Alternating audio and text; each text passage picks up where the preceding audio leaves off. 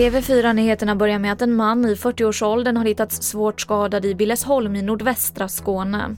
Han hittades vid 21-tiden igår kväll efter att han själv larmat polisen. Mannen ska ha utsatts för tortyrliknande misshandel i en bil och polisen har inlett en förundersökning om synnerligen grov misshandel och olaga frihetsberövande. Idag startar hovrättsförhandlingen kring det uppmärksammade fallet med Rickard Lundgren som hjälpte sin svårt ME-sjuka hustru att dö. Tingsrätten dömde honom till fängelse i ett och ett halvt år för dråp men domen överklagades av båda sidor. Och nu vill Thomas Bodström, som försvarar Rickard Lundgren, att det här inte ska ses som en brottslig handling och att hans klient ska frias helt. Vi går vidare till USA där minst 33 personer har mist livet i de pågående bränderna längs västkusten. Och det är många människor som är anmälda som saknade.